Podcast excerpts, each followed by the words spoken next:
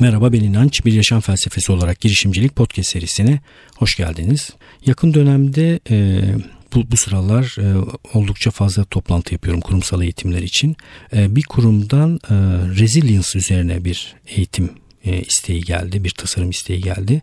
E, CEO'ları resilience üzerine eğilmesini istiyormuş ekibin. Resilience nedir? Türkçesi tabii ki çok böyle hızlıca kolayca çevrilemiyor. Dirençlilik, batmazlık, kolay kolay yıkılmamak gibi çevrilebilir. Esneklik olarak çevrilebilir. Günümüzde üzerinde çok konuşulan kişisel özelliklerden birisi hayatta başarılı olmak için sahip olunması gerektiği söylenen psikolojik özelliklerden bir tanesi rezilyans. Ben de bu eğitimi tasarlamak üzere yola çıktım. E, sonuçta da e, bir takım okumalar sonrasında size de notlar derledim. Biraz onlardan bahsetmek istiyorum. Bu podcast'i uyurken dinleyenler de var. Masal gibi dinliyorlar ya. Biraz alçak sesle konuşayım çünkü bu podcast e, uyurken dinlemek üzere. Bu bölüm yani bu podcast'i uyurken dinleyenlere ithafen kaydettiğim bir podcast bölümü. Özellikle böyle bir psikolojik e, kavram seçme nedenim de biraz ondan. Uyumayın. biraz sabredin. Niye acaba insanlar uyurken dinlemeyi tercih ediyorlar diye düşündüm. Yani metrobüste dinleyen var, işte serviste dinleyen var, koşarken dinleyenler var. Onları çok görüyorum arada işte fotoğraf gönderiyorlar. Koşarken dinlediklerini söylüyorlar. Bir de uykuya geçerken dinleyenler var. Ee, ben de bunlardan biriyim bu arada. Kendimi dinlemiyorum da Seth Godin dinliyorum bazen. Knowledge Project podcastini dinliyorum bazen. Podcast dinli, dinliyorum yani uyurken ya da bir takım e, dersler var. Onları dinleyebiliyorum. Herhalde zihin çok böyle dinlenmeye geçmek üzere oluyor. Daha berrak oluyor. Bir de insanda ilham verici düşünceler daha yoğunlukla oluşuyor. Herhalde onun için tercih ediyorlar diye. Benim için bir mahsur yok yani. Uyurken dinleyebilirsiniz. Ee, yarısında uyursanız yarın kalkıp devam edersiniz. Şimdi uykudan önce dinlemek üzere kaydedeceğimiz podcast içerisinde resilience kavramı üzerine konuşacağız. Rahatlayabiliriz şu anda düşünceleri zihnimizden kovalım. Çok önemli bir kavramdan bahsedeceğiz çünkü. Bu kavram pozitif psikolojinin de ele aldığı kavramlardan birisi. Pozitif psikoloji neydi? Çıkış noktası şuydu. İnsanların illa psikolojik rahatsızlıklar geçirmesi gerekmiyor. Onların iyi halleri üzerine de bir psikolojik çalışma yapılabilir. Nasıl ki spor performansı üzerine bir takım çalışmalar yapılabiliyorsa pozitif psikoloji üzerine de çalışabiliriz diye ortaya çıkan bir akım, anlayış benim de çok sevdiğim anlayışlardan birisi. Şimdi resilience yani nasıl çevirelim bunu? Dirençlilik diye çevireyim. Dirençlilik kavramına baktığımızda e, şu özelliklerin dirençli kişilerde bulunduğunu görüyoruz. Gelecekle ilgili iyimser bir bakışa sahipler. Çok net hedefler ve bu hedefleri gerçekleştirmek üzere arzu kurgulayabiliyorlar, isteyebiliyorlar bu hedefleri. Empati ve tutku yüksek oranda bulunuyor bu insanlarla. Bir de kontrol edebileceklerine daha çok odaklanıyorlar. Kontrol edemeyecekleri yerine. Hemen ta- tanıdık geldi herhalde kavramlar. Yani içsel kontrol odaklı olmak zaten bu son aşama. Hedefli olmak Aristo, bizim meşhur Aristo'muz. Tutku kısmı ile ilgili zaten konuştuk. Bir de gelecek kurgusu var. Bunu yapmak için ne yapmamız gerekiyor? E, dirençliliğimizi arttırmak için pozitif psikoloji sitesinden alıyorum bu kısmı. İçsel kontrol odağımızı sağlamak, odağımızı içsel hale getirmek, duygu yönetimi ve farkındalığımızı arttırmak demiş. Kargaşa ve karmaşaya tolere edebilir halde olmak, belirsizliği tolere edebilmek gerekir. Bir de gerçekçi bir iyimserlik geliştirmek gerekir demiş. Son olarak da öz yeterliğimizi arttırmamız gerekir demiş. Bu öz yeterlik benim çok uzun süredir üzerinde çalıştığım kavramlardan bir tanesi. Öz yeterlik e, sosyal psikoloji alanında çalışan Bandura'nın bir tarifi var. Üzerinde çok çalıştığı bir kavram bu. Nasıl tarif edebiliriz? Bir kişinin kendi hayatıyla ilgili olayları etkileyebileceği yönündeki öz inancı. Tekrar edeyim. Öz yeterlilik bir kişinin hayatındaki olayları ve bu olayları nasıl deneyimleyeceğini kontrol edebileceği yönündeki inancı. Şimdi şu kısım önemli. Hem olaylar var yani bir takım hayatımdaki olayları kontrol edebileceğim yönünde inancım var. Bir de bu olayları nasıl deneyimleyeceğim mi de kontrol ediyorum. Bu ilginç bu kısım ikinci kısım yani olayları nasıl deneyimleyeceğimi kontrol etmekten ne anlamamız gerekir? Burada daha önce bahsetmiştim ben. Ben Değeri Tiryakili diye bir kitap. Duygu, düşünce, davranış arasındaki ilişkiyi incelemek açısından. Dışsal olaylar bizim dışımızdaki şeyler. Onları pek etkileyemiyoruz. Bazılarını hiç etkileyemiyoruz. Bazılarını etkileyebiliyoruz. Ama bu olaylar karşısında hissedeceğimiz şeyler bizim kontrolümüz altında. Yani dışsal bir takım olayların herkes için geçerli bir takım duygusal çıktıları olduğunu söylemek çok doğru olmaz değil mi? Yani hayatınızda da siz zaten böyle deneyimlemiyorsunuzdur. Aynı olaya bir çalışma arkadaşınız ya da bir arkadaşınız bambaşka şekilde yaklaşıp siz başka şekilde yaklaşabiliyorsunuz. Bir tane yaşanan olay sizi aşırı sinirlendirebiliyor. Başka bir arkadaşınız o olaya gülüp geçebiliyor. Hatta bazen bunlara gıcık oluyorsunuz değil mi? Yani bu kadar sinir bozucu bir şey var. Hiç umurumda bile değil diyorsunuz. E, drama çalışmalarında özellikle ben bunu fark etmiştim drama yaparken. Drama atölyelerinde en çok böyle fark ettiğim en önemli yakıcı deneyimlerden birisi şu olmuştu. Orada bir takım objektif vakalar üzerinden drama çalıştığımız için sonunda da değerlendirme oturumları yapıyoruz. O değerlendirme oturumlarında 20-30 kişi oluyor atölyede. Aynı şeye bakıyoruz bambaşka duygular ürüyor bambaşka yorumlar ürüyor. Onu fark edince şunu, şunu gördüm ben ya bir sürü perspektif var. Herkes kendi açısından bir şeyler söylüyor. İlla biri ya da diğeri doğru olmak durumunda değil. Böyle aşırı e, relativist böyle bir pozisyonda almak istemiyorum ama objektif yaşananın tek bir duygusu olduğunu iddia etmek de çok doğru değil herhalde. Nasıl duygu yürüyor bizde bir yaşadığımız vaka sonrasında? Bizim geçmiş deneyimlerimiz, değerlerimiz, ailemiz, yetişme biçimimiz, ilkelerimiz, bir takım yaşanmışlıklar otomatikleşerek belli düşünceler üretiyor. Otomatik düşünceler ve bu otomatik düşüncelerde belli duygular üretiyor. Biz artık o duygunun nasıl üretilmiş olduğunu da takip edemez hale geliyoruz. Bunun tarihi var aslında yani nasıl oluştuğunun bir tarihi var en nihayetinde. Ama bu tarihsel akışı kaybettiğimiz için sanki bu olayla duygu arasında arada hiçbir bağ yokken sanki bu ikisi yapışıkmış gibi hissetmeye başlıyoruz. Zaten bilişsel psikoloji alanında terapi görüyorsanız ya da kendi kendinize bilişsel psikoloji uyguladığınızda ilk göreceğiniz şey bu olacaktır. Olaylar var. Bu olaylarla ilgili bir takım düşünceler var ve bu düşünceler sonucunda da bir takım duygular ürüyor. Yani siz olaylara getirdiğiniz yorumu ya da olaylar hakkındaki bir takım düşüncelerinizi değiştirdiğinizde duygunuz da değişmeye başlıyor. Onun için öz yeterliği olan insanlarda yüksek bir beceri bu. Yani bir vakayı yaşadıklarında bununla ilgili ürettikleri duygu otomatik değil. Duygusuz de, demek istemiyorum bu arada. Duygusuz da değiller. Sadece ürettikleri duygunun niye ürediğinin takibini yapabiliyorlar ve bunu seçerek yaşıyorlar bu duyguyu. Bakın bu çok ilginç bir şeydir. Yani sinirlenmek mesela. Şimdi sinirlenmek iyi bir şey mi kötü bir şey mi? O ayrı bir tartışma noktası. Ama öz yeterliği olan birisi kendisini sinirlendiren bir durumun bir kere kişinin kendisini sinirlendiği argümanını bir kenara bırakıp analize geçiyor. Niye ben buna sinirlendim? Bu duygu bende niye üredi? diye kendi içine dönüyor. Bir takım soruşturmalar yapıyor. Sonra karşı tarafın pozisyonunu gözden geçiriyor. Hikayenin tek tarafını takip etmemeye çalışıyor ve bütün bu analiz sonrasında evet sinirlenmeye hakkım var diyebiliyor ve sinirlenebiliyor. Bir tarafta bu var, bir tarafta da otomatik olarak sinirlenen birisi var. Hangisi daha iyi? Uyumadık değil mi? Uyumuyoruz. Evet devam ediyorum. Şimdi bu öz yeterlik konusu benim hayal kurmakla ilgili söylediğim şeyleri hatırlayın. Kendinize hangi hayalleri kurma hakkını veriyorsunuz diye sormuştum ben size eskiden daha önceki kayıtlarda. Öz yeterliliği düşük olan insanlar genelde kendilerine bazı hayalleri kurma hakkını vermiyorlar. Öz yeterliliği yüksek olan insanlar da kendilerine bazı hayalleri kurma hakkını veriyorlar.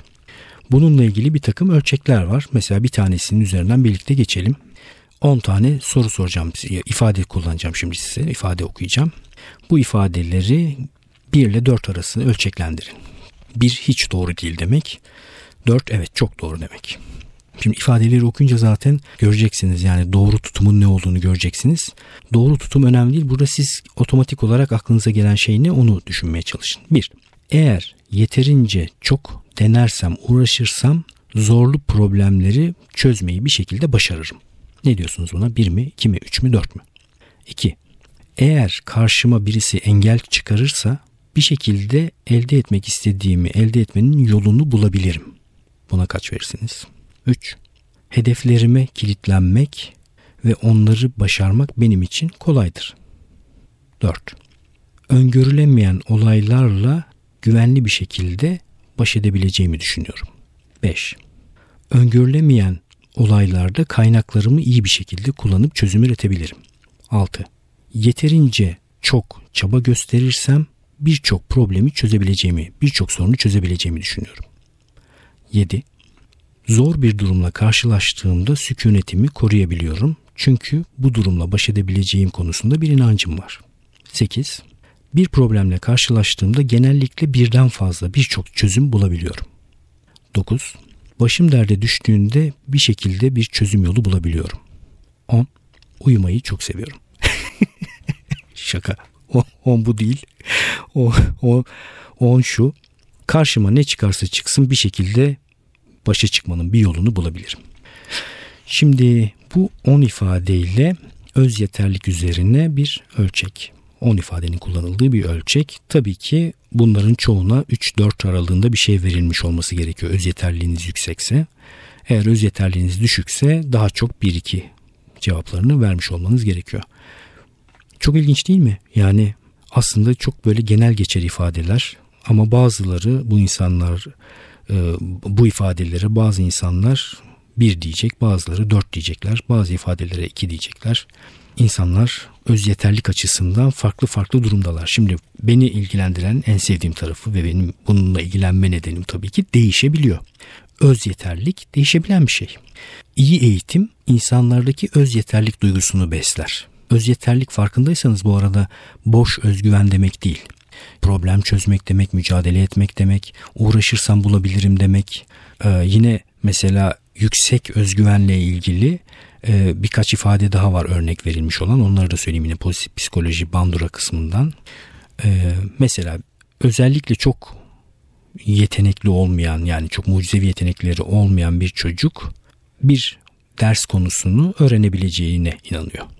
Mesela daha geç, önceki geçmiş deneyimlerinde iyi ilişkiler yürütemeyen bir insan bir sonraki ilişkisinde iyi bir ilişki yürütebileceğine dair bir inancı var. Kötümserlik geliştirmiyor.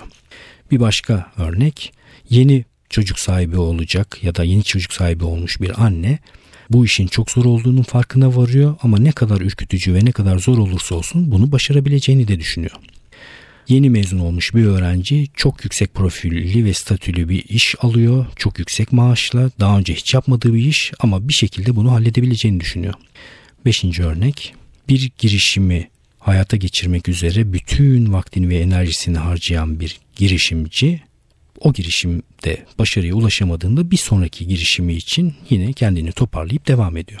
Bakın örnekler yine aslında bizim istediğimiz olmasını istediğimiz davranış biçimleri ve geliştirilebilecek şeyler. Peki nasıl gelişiyor öz yeterlik dediğimiz şey? Eğitim e, sonuçta e, biten bir şey ve iyi eğitime eriştiyseniz de şanslısınız. İyi eğitime erişmediyseniz de hayatın sonu değil. E, iyi eğitime erişmeyen insanların da yapabileceği bir sürü şey var. Çocuğunuz iyi bir eğitime bir şekilde erişmemiş olabilir. Yani öyle bir şehirde yaşıyorsunuzdur ki aslında Milli Eğitim Bakanlığı'nın görevi olan her çocuğa eriştirilmesi gereken aynı kalitede eğitime ulaşamıyor diyelim ki. Bunu e, yaşayan bir sürü insan olabilir. Ne yapacaksınız? Siz çocuğunuzun öz yeterliğini geliştirecek bir takım şeyleri kurgulayacaksınız. Bunu siz yapacaksınız. Ya da kendiniz iyi bir eğitime erişemediniz. Şimdi artık siz kendi üzerinizde öz yeterliğiniz üzerinde, üzerinde çalışıp bunu geliştireceksiniz. Bandura'ya göre dört şekilde gelişiyor öz yeterlilik. Bir, ustalık deneyimleri. Şeyi hatırlayın Robert Greene'in Ustalık diye bir kitabı vardı. Daha önce bahsetmiş olmalıyım. Bahsetmediysem de muhakkak okuyun Mastery Ustalık kitabını. Çok efsane bir kitaptır. Çok önemli bir takım insanlardan örnekler verir ve ustalığın ne olduğunu, nasıl geliştiğini anlatır. Ustalık deneyiminden kastımız ne? Biz bir alanda ustalık seviyesine gelecek şekilde deneyim geliştirmemiz gerekir. Bu bizim öz yeterliğimizi arttırır. Şöyle düşünün. Fotoğraf çekmeye başladınız ama öyle başladınız ve çalıştınız ki ışığı biliyorsunuz, makineleri biliyorsunuz, sürekli belli tipte çekimler yaptınız, dersler alıyorsunuz. Yani fotoğraf çekme konusunda ustalık seviyesine ulaştınız. Şimdi bu, bunu cümleyi kurarken bile bunları söylerken bile kişide oluşturabileceği öz yeterlik duygusunu hayal edebiliyorsunuz herhalde. Ya da bir enstrüman çalmaya başladınız. Virtüöz seviyesinde onu çalıyorsunuz. Yani çok basit şeyler de olabilir. Excel öğrenmeye başladınız ama size gelen her tür Excel problemini tık tık tık tık hemen çözüyorsunuz. Yani Excel'in şeysiniz, kung fu şampiyonu. Müthişsiniz. Her şeyini yapabiliyorsunuz. Bu ustalık deneyiminin ne olduğu önemli değil. Tabii ki sizin sevmediğiniz, içinde akışa geçmediğiniz, kendinizi mutlu hissetmediğiniz bir şeyi usta seviyesine getirmeniz mümkün değil ama herkesin en nihayetinde böyle bir takım ustalık geliştirebileceği deneyimler vardır. Üniversiteler, normalde gördüğümüz eğitimler bize bir takım ustalık deneyimlerini vermeyebiliyor. Çoğu zaman bu ustalık deneyimlerini kişiler kendileri elde ediyorlar. Çok maymun iştahlı olmadan en azından bir tane şeyi seçip orada usta olmak. Gerçekten usta olmak. Bu işte öz yeterliği arttıran şeylerden birisi. Çocuk yetiştiriyorsanız da aynı şey geçerli olabilir. Bir şeyde sevdiği bir şeyde o alanı her tarafıyla bilecek kadar ustalık geliştirmesi onun öz yeterliğini arttıracak bir deneyim. İşte çok iyi yazı yazıyor olmak, çok iyi resim yapabiliyor olmak, bir şeyi çok çok iyi tahta yontabiliyor olmak. Böyle dediğim gibi muhteşem şeyler olmak zorunda değil bu arada. Yani ne bileyim e, bir tane e, bardağın içerisine uzaktan pimpon top, topu atabilme gösteri çalışıyor diyelim ki. Ama attığı top bardağın içerisine giriyor. Ya da sihirbazlık çalışıyor, illüzyon gösterileri yapıyor. Önemli değil. Sizin için de önemli değil. Önemli olan bir alanda ustalık deneyimi yaşıyor olmanız. Bu sizin öz yeterliğinizi arttıracak ya da çocuğun öz deneyimini arttıracak. İki, sosyal modelleme. Yani öz yeterlilik sahibi olan birilerinin birilerini görüyor olması. Onları takip ediyor olması. Çocuk başkasında görmüş olduğu öz yeterlik duygusunu onda o, o başkasında gördüğü o öz yeterliği kendisi modelleyebiliyor. Ee, daha önce eğitim yaptığım bir projede e, okula mezunları çağırıyorlardı bir meslek lisesine ve mezunlar başarılı olmuş olan mezunlar işte neler yaptıklarını anlatıyorlardı. Bir öğretmen bana bunu anlatmıştı bu deneyimi. Çok başarılı olmayan öğrencilerden birisi çok iyi bir üniversite kazanmış sınıfındaki çocuklardan birisi. Öğretmen de sormuş bu, bu değişimin nasıl olduğunu. Kız da şunu söylemiş. Siz bir gün bir abi getirmiştiniz bizim okula. Bizim okuldan mezun. O da neler yaptığını neler başardığını anlatmıştı. Ben de yapabilirim diye düşündüm demiş. Bakın çok değerli ve çok önemli bir şey. Yani bu duygu var ya hani ben de yapabilirim duygusu. Bunu ancak sosyal modelleme yoluyla ancak demeyelim. Sosyal modelleme yoluyla çok daha hızlı yapabiliyoruz. Bizim gibi olan, bize benzeyen ve modelleyebileceğimiz bir takım öz yeterliliği yüksek insanlar bizim üzerimizde etkili oluyor. Çocuk çocuk eğitimine bağlamadan hiçbir şey yapamayacağım herhalde de.